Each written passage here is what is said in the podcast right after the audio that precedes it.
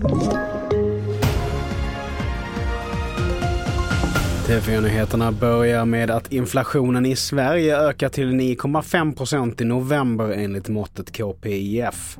Det visar SCBs senaste siffror. I oktober låg inflationen på 9,3 procent och konsumentpriserna i november lyfte med 1 procent jämfört med månaden före. Stigande elpriser bidrog till en ökad inflationstakt och så här säger privatekonomen Emma Persson. Det var väntat att det skulle komma in högre på grund av stigande energipriser.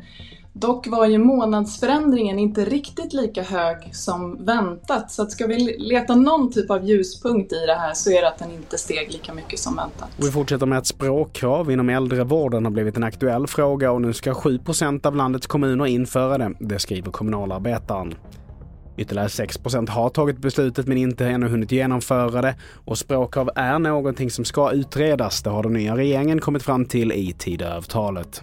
Och till sist, USAs president Joe Biden har nu skrivit under en lag som säkrar samkönade äktenskap i delstater där de är lagliga. Kritiker invänder att lagen inte kräver att delstater som motsätter sig samkönade äktenskap att de ska riva upp sin egen federala lagstiftning.